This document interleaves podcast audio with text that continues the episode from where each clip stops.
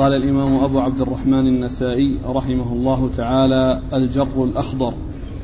قال أخبرنا محمود بن غيلان قال حدثنا أبو داود قال أنبأنا شعبة عن الشيباني قال سمعت ابن أبي أوفى رضي الله عنه يقول نهى رسول الله صلى الله عليه وآله وسلم عن نبيذ الجر الأخضر. قلت فالأبيض؟ قال لا أدري. بسم الله الرحمن الرحيم. الحمد لله رب العالمين وصلى الله وسلم وبارك على عبده ورسوله نبينا محمد وعلى آله وأصحابه أجمعين. أما بعد يقول النسائي رحمه الله الجر الأخضر. نعم. الجر الأخضر لأن الترجمة السابقة التي هي آه، ترجمة عامة آه، يعني ذكر أوعية جرى يعني ذكر النهي عن الانتباذ بها لكونها يسرع أو لكونها يشتد آه، فيها ما لا يشتد في غيرها من الأوعية. ثم بعد ذلك أتى بتراجم فرعية تندرج تحت تلك الترجمة العامة. ومر بعض التراجم وهذه منها الجر الأخضر. والجر هو المقصود به الجرار الخضر. والجرار هي التي اتخذت من الطين.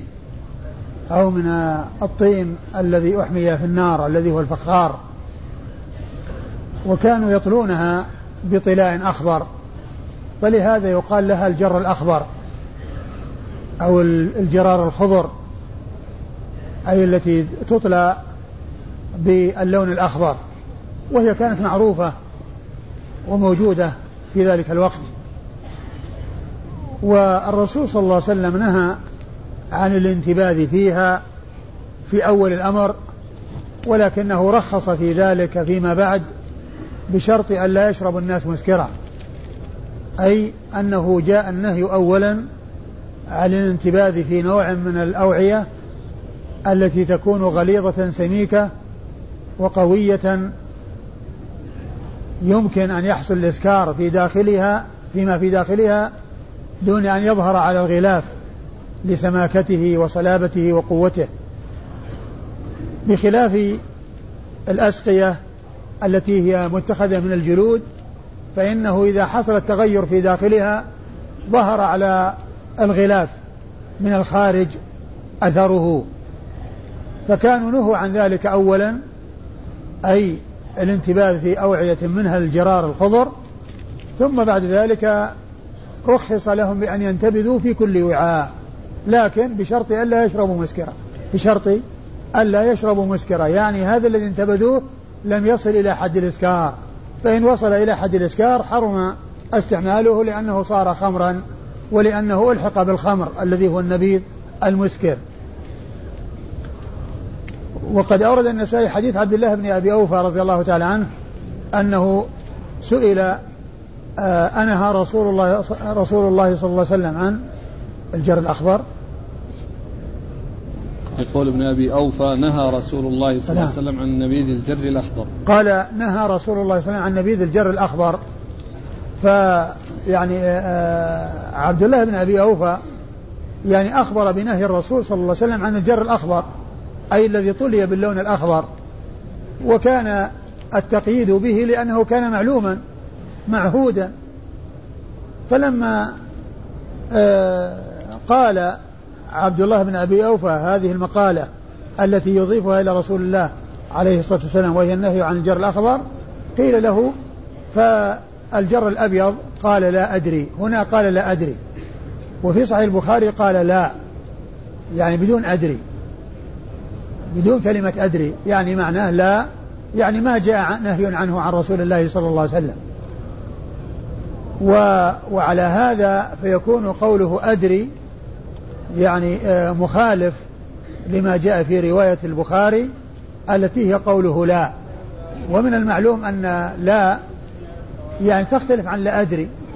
لأن لا يعني آه، إخبار بأنه ما نهى. يعني ما ما ما ما يعرف عنه نهيا.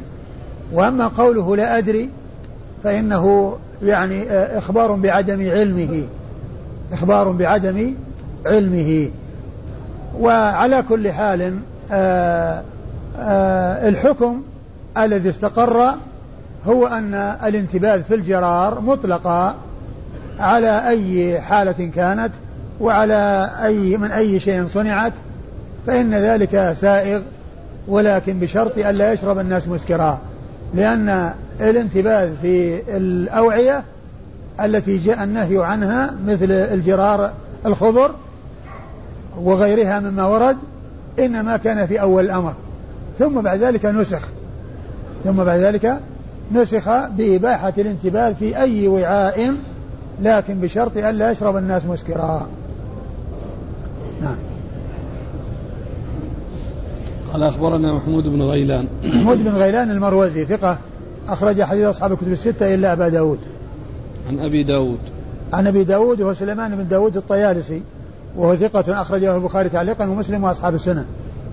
عن شعبة. عن شعبة بن الحجاج الواسطي ثم البصري وهو ثقة وصف بأنه أمير المؤمنين في الحديث وحديث أخرج أصحاب الكتب الستة. عن الشيباني. عن الشيباني وهو سليمان بن أبي سليمان أبو إسحاق الشيباني وهو ثقة أخرج له أصحاب الكتب الستة.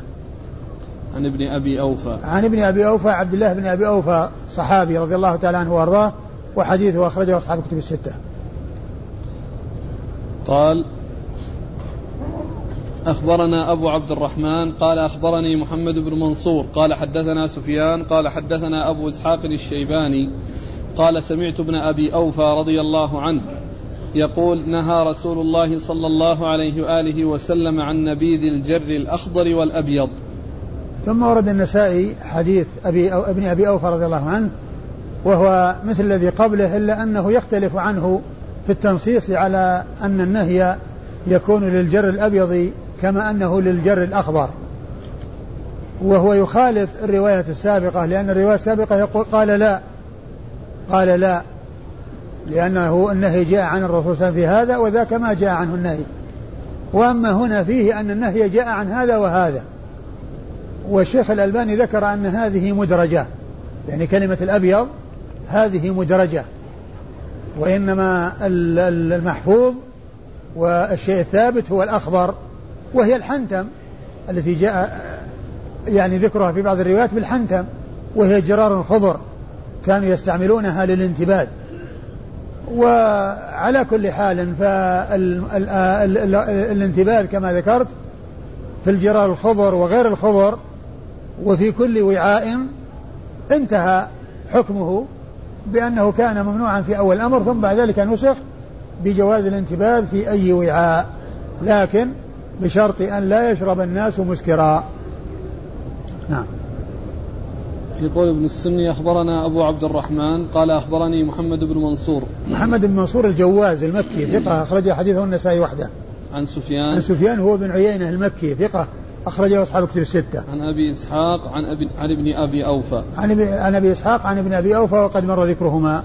قال أخبرنا محمد بن بشار قال حدثنا محمد قال حدثنا شعبة عن أبي رجاء أنه قال سألت الحسن عن نبيذ الجر أحرام هو قال حرام قد حدثنا من لم يكذب أن رسول الله صلى الله عليه وآله وسلم نهى عن نبيذ الحنتم والدباء والمزفة والنقير.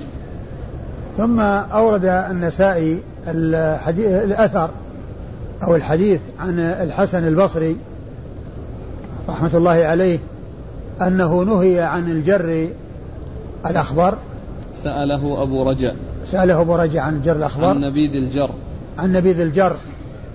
فقال حرام. حدثنا من لا من لا يكذب عن رسول الله صلى الله عليه وسلم أنه نهى عن أنه نهى عن نبيذ الحنتم والدباء. نبيذ الحنتم و والدباء والمزفة. والدباء والمزفة والنقير والحنتم هو الجر. الحنتم هو الجر. لأن الترجمة هي الجر والسؤال عن الجر والجواب جاء فيه الحنتم. والحنتم هو الجر. وقيل إنها جرار خضر. كانوا يستعملونها للانتباذ وعلى هذا فيكون يعني الحسن ذكر الحديث وأسنده إلى من لم يكذب عن رسول الله صلى الله عليه وسلم أنه نهى عن الانتباذ في أوعية منها الحنتم والحنتم هو الجر الذي جاء عنه السؤال. نعم. وهذه الأشياء ذكر مر ذكرها. الحنتم هي جرار يعني خضر كانوا ينتبذون بها والمزفت ما طلي بالزفت والنقير ما حفر أو آه، يعني آه، استخرج يعني آه، من جذوع النخل بحيث يعني استخرج وسطه وبقي يعني الجوانب غلافا ووعاء ينتبذ به و وإيش؟ المزفت والنقير ثلاثة؟ لا أربعة. حنتم والدبة والدبة نعم. والدبة هو القرع الذي استخرج لبه وبقي غلافه وقشرته حتى يبست وصارت وعاء ينتبذ به. وقد مر هذا مرارا وتكرارا. وهذا نسخ لأن ذلك جاء في حديث وفد عبد القيس الذين جاءوا إلى النبي صلى الله عليه وسلم في أول الإسلام بعدما هاجر إلى المدينة وقالوا إنهم لا يصلون إليه إلا بشهر حرام وطلبوا منه أن يأمرهم بأمر يعملون به ويبلغونه من وراءهم فأمرهم ونهاهم وكان مما نهاهم عنه الانتباه في هذه الأوعية. وبعد ذلك نسخ في حديث بريدة بن الحصيب الذي أخرجه مسلم وسيأتي عند النسائي. نعم.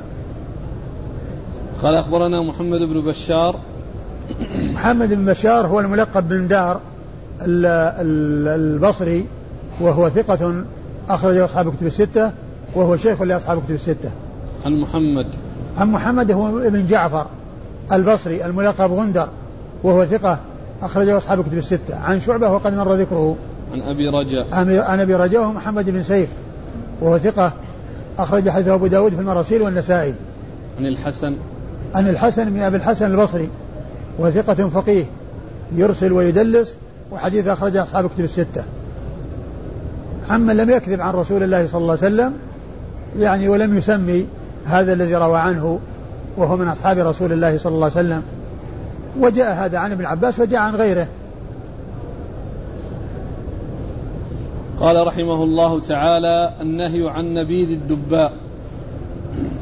قال أخبرنا محمود بن غيلان قال حدثنا أبو داود قال حدثنا شعبة عن إبراهيم بن ميسرة عن طاووس عن ابن عمر رضي الله عنهما أن رسول الله صلى الله عليه وآله وسلم نهى عن الدباء. ثم ورد النسائي ترجمة النهي عن نبيذ الدباء.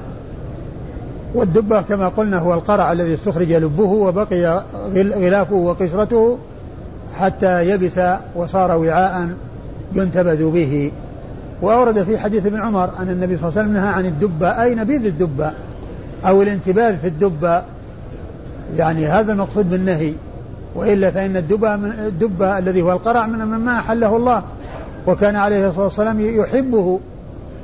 وقد جاء عن أنس كما ثبت في الصحيح أنه كان أكل معه طعاما فيه دباء فكان الرسول صلى الله عليه وسلم يمد يده إلى القطع التي من الدبة. يعني آه، في وسط الإناء فلما رآه أنس آه، آه، يتناوله ويحرص عليه جعل يأخذه ويلقيه في جانبه. يأخذه ويلقيه في جانبه أي في جانب النبي صلى الله عليه وسلم. فالتحريم هو للانتباه. نعم. قال أخبرنا محمود بن غيلان عن أبي داود عن شعبة عن إبراهيم بن ميسرة مر ذكر الثلاثة الأول وإبراهيم بن ميسرة ثقة أخرجه أصحاب كتب الستة. عن طاووس. عن طاووس بن كيسان وهو ثقة أخرجه أصحاب كتب الستة. عن ابن عمر. عن ابن عمر عبد الله بن عمر بن الخطاب رضي الله تعالى عنهما الصحابي الجليل أحد العبادلة الأربعة من أصحاب النبي صلى الله عليه وسلم وهم ابن عمر وابن وابن عمرو وابن عباس وابن الزبير وهم من أبناء الصحابة صحابة أبناء صحابة. وهو أيضا أي ابن عمر أحد السبعة المعروفين بكثرة الحديث عن النبي صلى الله عليه وسلم. قال أخبرنا جعفر بن مسافر قال حدثنا يحيى بن حسان قال حدثنا وهيب قال حدثنا ابن طاووس عن أبيه عن عن ابن عمر رضي الله عنهما أن رسول الله صلى الله عليه وآله وسلم نهى عن الدباء. ثم ورد النسائي حديث ابن عمر من طريق أخرى وهو مثل الذي قبله. قال أخبرنا جعفر بن مسافر. جعفر بن مسافر صدوق يخطئ. أخرج, أخرج حديثه. أبو داود والنسائي وابن ماجه. صدوق يخطئ أخرج حديث أبو داود والنسائي وابن ماجه. عن يحيى بن حسان. عن يحيى بن حسان وهو ثقة أخرج له أصحاب الكتب إلا ابن ماجه. وهو ثقة أخرج له أصحاب الكتب الستة إلا ابن ماجه. عن وهيب. عن وهيب بن خالد وهو ثقة أخرج له أصحاب الكتب الستة. عن ابن طاووس. عن ابن طاووس عبد الله بن طاووس وهو ثقة أخرج له أصحاب الكتب الستة. عن أبيه عن ابن عمر وقد مر ذكرهما. قال رحمه الله تعالى النهي عن نبيذ الدباء والمزفت. قال أخبرنا محمد بن المثنى. قال حدثنا يحيى بن سعيد. قال حدثنا سفيان عن منصور وحماد وسليمان. عن إبراهيم عن الأسود عن عائشة رضي الله عنها أنها قالت نهى رسول الله صلى الله عليه وآله وسلم عن الدباء والمزفت. ثم ورد النسائي هذه الترجمة النهي عن الدباء النبيذ نبيذ الدباء والمزفت أي الذي انتبذ في أوعية هي الدباء التي تتخذ من الدباء والذي طلي بالزفت. وقد أورد النسائي الحديث بهذه الترجمة أورد النسائي هذه الترجمة التي هي ذكر فيها الدبة والمزفت أو جمع فيها بين الدبة والمزفت والترجمة السابقة الدبة فقط. وسر التفريق بينهما أن الترجمة السابقة أحاديث أو بعض الطرق جاء فيها ذكر الدبة وحده. وهذه طرق جاء فيها ذكر الدبة والمزفت مع بعض. فأورد الترجمة التي هي مطابقة لما ورد في الحديث التي فيها الجمع بين الاثنين. والمقصود أن كل واحد منهما يعني إذا آه، انتبذ به فذلك لا يسوغ ولا يجوز. وهذا كله كان في أول الأمر كما ذكرت.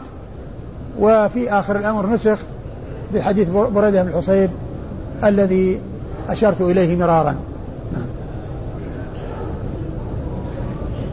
قال أخبرنا محمد بن المثنى. محمد بن المثنى أبو موسى الزمن العنزي ثقة أخرجه أصحاب كتب الستة وهو شيخ لأصحاب كتب الستة. عن يحيى بن سعيد. عن ابن سعيد القطان. يحيى بن سعيد القطان ثقة أخرجه أصحاب كتب الستة. عن سفيان. عن سفيان بن سعيد بن مسروق الثوري ثقة فقيه وصف بأنه أمير المؤمنين في الحديث وحديث أخرجه أصحاب كتب الستة. عن منصور. عن منصور بن المعتمر الكوفي وهو ثقة أخرجه أصحاب الكتب الستة. وحماد. وحماد بن زيد البصري ثقة أخرجه أصحاب الكتب الستة. اللي وجدته ها؟ الذي وجدت وجدته حماد بن أبي سليمان. حماد بن أبي سليمان؟ م. ولا حماد بن زيد؟ على كل أن أنا كان الذي وجدته أن حماد بن زيد. ويمكن أن يتأكد من ذلك. وسليمان. سليمان هو الأعمش. سليمان بن مهران الكاهلي الكوفي ثقة أخرجه أصحاب كتب الستة. عن إبراهيم. عن إبراهيم بن يزيد بن قيس النقعي الكوفي ثقة فقيه أخرجه أصحاب كتب الستة. عن الأسود عن الأسود بن قيس النقعي ثقة أخرجه أصحاب كتب الستة. عن عائشة عن أم المؤمنين عائشة رضي الله تعالى عنها وأرضاها هو الأسود بن يزيد بن قيس وهو ثقة أخرجه أصحاب كتب الستة. شوف الأسود بن يزيد ولا الأسود بن قيس؟ إيه، إيه. الأسود بن يزيد نعم الأسود بن يزيد بن قيس أخرجه أصحاب كتب الستة عن عائشة أم المؤمنين الصديقة بنت الصديق وهي أحد آه، آه، وهي واحدة من سبعة أشخاص عرفوا بكثرة الحديث عن النبي صلى الله عليه وسلم. قال أخبرنا محمد بن بشار قال حدثنا يحيى عن سفيان عن سليمان عن إبراهيم التيمي عن الحارث بن سويد عن علي رضي الله عنه قال الناسخ كرم الله وجهه عن النبي صلى الله عليه وآله وسلم أنه نهى عن الدباء والمزفت. ثم ورد النسائي حديث علي رضي الله عنه وهو مثل الذي قبله الجمع بين النهي عن الدبة والمزفت. والإسناد؟ قال أخبرنا محمد بن بشار عن يحيى عن سفيان عن سليمان عن إبراهيم التيمي. آه، مر ذكر الأول وأما سليمان التيمي فهو أيضا سليمان بن يزيد التيمي. إبراهيم. سليمان. عن سليمان عن, عن, عن إبراهيم. عن إبراهيم. إبراهيم بن يزيد. إبراهيم بن يزيد هو مثل ذاك إبراهيم بن يزيد النقعي وهذا إبراهيم بن يزيد التيمي وهو ثقة يرسل ويدلس وحديث أخرج أصحاب كتب الستة. آه إبراهيم كيف يا شيخ؟ بن يزيد. أي ابن من؟ التيمي. هو إبراهيم بن يزيد بن قيس؟ ها؟ هو إبراهيم بن يزيد بن قيس؟ التيمي إيه مو التيمي إبراهيم بن يزيد بن قيس التيمي ما؟ إبراهيم بن يزيد بن قيس بن الأسود النخعي أبو عمران الكوفي الفقيه. لا لا غيره. اي هذاك ثاني. إيه إبراهيم. بن يزيد بن شريك. أيوه إبراهيم التيمي. بن يزيد التيمي. إيه؟ يعني أبوه يزيد إبراهيم بن يزيد التيمي ثقة فقيه آه يرسل ويدلس وحديث اخرج أصحاب كتب الستة. وصفه بالفقه ما في. لا ثقة ما هو فقيه ثقة عابد. ثقة نعم ثقة يرسل ويدلس. نعم. نعم الفقيه هو ذاك الذي هو النخعي. إبراهيم بن يزيد النخعي هو الثقة الفقية. نعم. عن الحارث بن سويد. عن الحارث بن سويد وهو التيمي أيضا وهو ثقة أخرجه أصحاب كتب الستة. عن علي عن علي بن أبي طالب رضي الله تعالى عنه أمير المؤمنين ورابع الخلفاء الراشدين الهاديين المهديين صاحب المناقب الجمة والفضائل الكثيرة رضي الله تعالى عنه وأرضاه وحديثه عند أصحاب كتب الستة. قال أخبرنا محمد بن ابن أبان قال حدثنا شبابة بن سوار قال حدثنا شعبة عن بكير بن عطاء عن عبد الرحمن بن يعمر رضي الله عنه عن النبي صلى الله عليه وآله وسلم أنه نهى عن الدباء والمزفت. ثم ورد النسائي حديث عبد الرحمن بن يعمر رضي الله عنه وهو مثل الذي قبله جمع بين النهي عن الدباء والمزفت. أيوه. قال أخبرنا محمد بن أبان. محمد بن أبان ثقة. نعم أخرجه البخاري وأصحاب السنن أخرجه البخاري وأصحاب السنن عن شبابه بن سوار. عن شبابه بن سوار وهو ثقة أخرجه أصحاب كتب الستة. عن شعبة عن بكير بن عطاء. شعبة مر ذكره بكير بن عطاء هو ثقة أخرج له أصحاب السنن. ثقة أخرج له أصحاب السنن وعبد الرحمن بن يعمر صحابي أخرج له أصحاب السنن. قال أخبرنا قتيبة قال حدثنا الليث عن ابن شهاب عن أنس بن مالك رضي الله عنه أنه أخبره أن رسول الله صلى الله عليه وآله وسلم نهى عن الدباء والمزفة أن ينبذ فيهما. ثم ورد النسائي حديث أنس بن مالك وهو مثل الذي قبله. نعم. قال أخبرنا قتيبة قتيبة بن سعيد بن جميل بن طريف البغلاني ثقة أخرج أصحاب كتب الستة. عن الليث. عن الليث بن سعد المصري ثقة فقيه أخرج أصحاب كتب الستة. عن ابن شهاب. عن ابن شهاب محمد بن مسلم بن عبيد الله بن شهاب الزهري ثقة فقيه أخرجه أصحاب كتب الستة. عن أنس. عن أنس بن مالك رضي الله عنه صاحب رسول الله صلى الله عليه وسلم وخادمه وأحد السبعة المعروفين بكثرة الحديث عن النبي صلى الله عليه وسلم.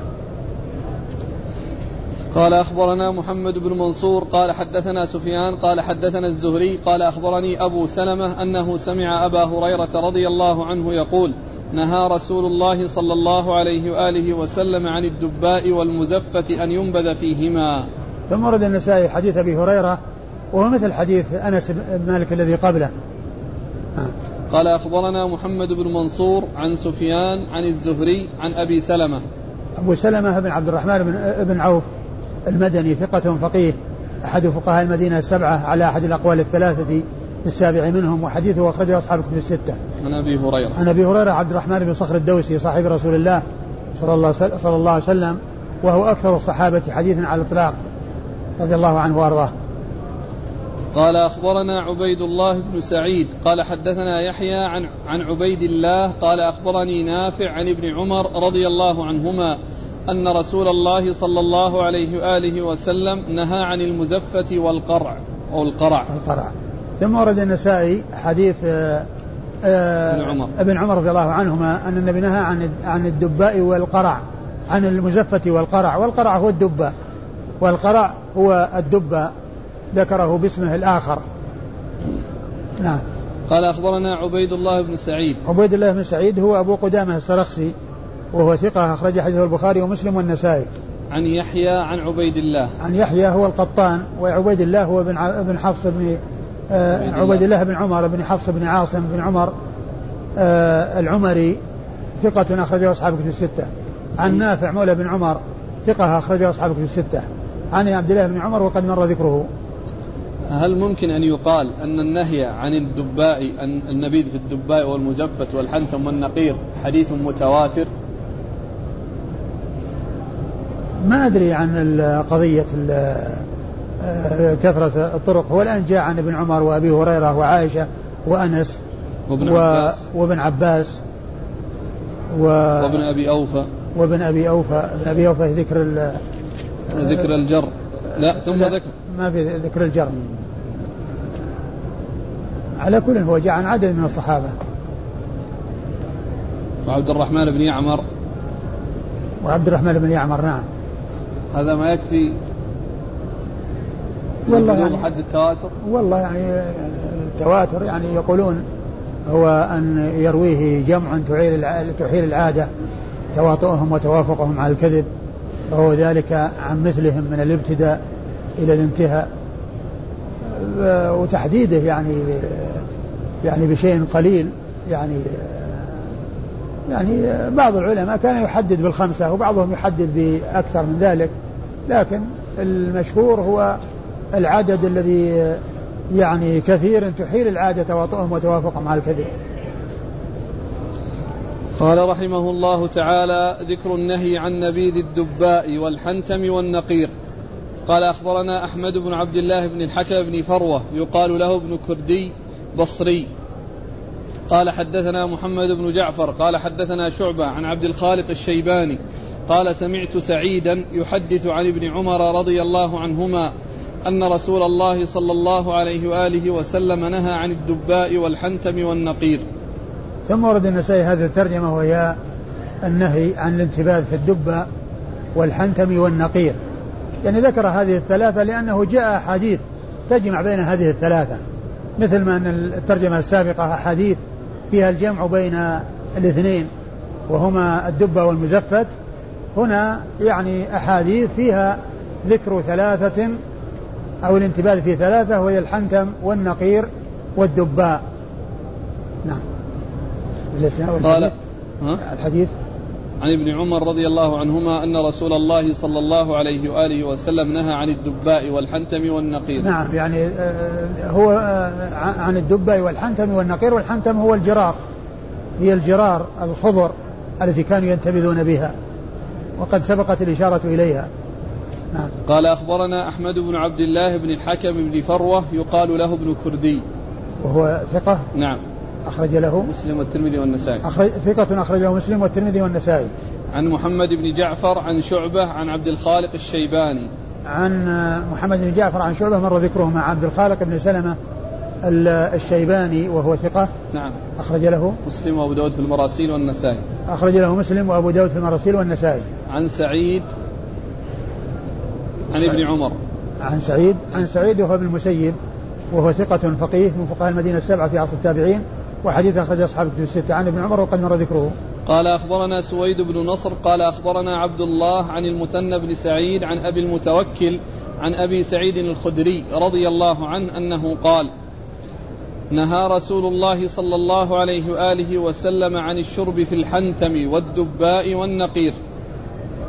وهذا مثل الذي قبله. نهى رسول الله عن الشرب يعني شرب ما ينتبذ في الدباء والحنتم والنقير لأن مقصود الشرب يعني شرب ما ينتبذ وليس المقصود الشرب يعني الذي هو يعني آه، كونه يشرب بها.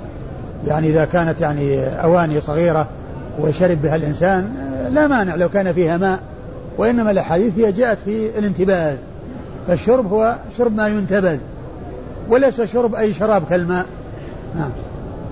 قال أخبرنا سويد بن نصر عن عبد الله سويد بن نصر المروزي ثقة أخرج حديث البخاري الترمذي والنسائي وعبد الله بن المبا- المبارك المروزي ثقة أخرجه أصحاب الكتب الستة. عن المثنى بن سعيد. عن المثنى بن سعيد وهو ثقة أخرج له أصحاب الكتب. أصحاب الكتب الستة. عن أبي المتوكل. عن أبي المتوكل الناجي وهو علي بن داود وهو ثقة أخرج له أصحاب الكتب الستة. عن أبي سعيد الخدري. عن أبي سعيد الخدري وسعد بن مالك بن سنان الخدري صاحب رسول الله عليه الصلاة والسلام وأحد السبعة المعروفين بكثرة الحديث عن النبي صلى الله عليه وسلم. قال رحمه الله تعالى النهي عن نبيذ الدباء والحنتم والمزفت. قال أخبرنا سويد قال أخبرنا عبد الله عن شعبة عن محارب قال سمعت ابن عمر رضي الله عنهما يقول نهى رسول الله صلى الله عليه وآله وسلم عن الدباء والحنتم والمزفت. ثم ورد النسائي ترجمة أخرى تشتمل على ثلاثة أشياء وهي الدبة والحنتم والمزفت. ووجه ذلك أنه جاء في بعض الأحاديث ذكر الجمع بين هذه الثلاثة فأورد الأحاديث التي جاءت فيها كالترجمة التي قبلها. نعم. قال أخبرنا سويد عن عبد الله عن شعبة عن محارب. محارب هو بن دثار وهو ثقة أخرجه أصحاب كتب الستة. عن ابن عمر. عن ابن عمر وقد مر ذكره. قال أخبرنا سويد قال أخبرنا عبد الله عن الأوزاعي قال حدثني يحيى قال حدثني أبو سلمة قال حدثني أبو هريرة رضي الله عنه. قال نهى رسول الله صلى الله عليه وآله وسلم عن الجرار والدباء والظروف المزفتة. ثم أورد النسائي حديث أبي هريرة وهو مثل الذي قبله. الجرار هي الحنتم هي هي المقصودة هي المقصودة بالحنتم. نعم. قال أخبرنا سويد عن عبد الله عن الأوزاعي. الأوزاعي هو أبو عمرو عبد الرحمن بن عمرو الأوزاعي ثقة فقيه أخرج له أصحاب كتب الستة. عن يحيى. عن يحيى بن أبي كثير اليمامي وهو ثقة أخرجه أصحاب كتب الستة. عن أبي سلمة. عن أبي سلمة وهو بن عبد الرحمن بن عوف وقد مر ذكره. عن أبي هريرة. عن أبي هريرة وقد مر ذكره. قال أخبرنا سويد قال أخبرنا عبد الله عبد قال أخبرنا سويد قال أخبرنا عبد الله عن عون بن صالح البارقي عن زينب بنت نصر وجميلة بنت عباد أنهما سمعتا عائشة رضي الله عنها قالت سمعت رسول الله صلى الله عليه وآله وسلم ينهى عن شراب صنع في دباء أو حنتم أو مزفة لا يكون زيتا أو خلا. ثم أورد النسائي حديث عائشة رضي الله عنها وهو مشتمل على الثلاثة أن النبي نهى عن شراب انتبذ في دبة أو حنتم أو مزفت لا يكون زيتا أو ولا خل. أو شراب أو خلا. أو خلا لا يكون زيتا أو خلا يعني إذا كان زيتا أو خلا فإنه ي- بخلاف ذلك ولكن الأمر كما ذكرت هو أن كل ما جاء في هذه الأحاديث من النهي عن تلك الأوعية قد نسخ بما جاء في حديث بريدة بن الحصيب كنت نهيتكم عن الانتباذ في أوعية ألا فانتبذوا في كل وعاء ولا تشربوا مسكرا. والإسناد؟ قال أخبرنا سويد عن عبد الله عن عون بن صالح البارقي. عن عن عون عون بن صالح إيه. البارقي؟ إيه. إيش قال عنه؟ مقبول أخرجه النسائي. مقبول أخرج حديثه النسائي وحده. عن زينب بنت نصر. عن زينب بنت نصر وهي مجهولة أخرج حديث النسائي وحده. وجميلة بنت عباد. وجميلة بنت عباد أيضا مج- مجهولة أخرج حديث النسائي وحده. عن عائشة. عن عائشة أم المؤمنين وقد مر ذكرها. قال رحمه الله. والله تعالى أعلم وصلى الله وسلم وبارك على عبده ورسوله نبينا محمد وعلى آله وأصحابه أجمعين.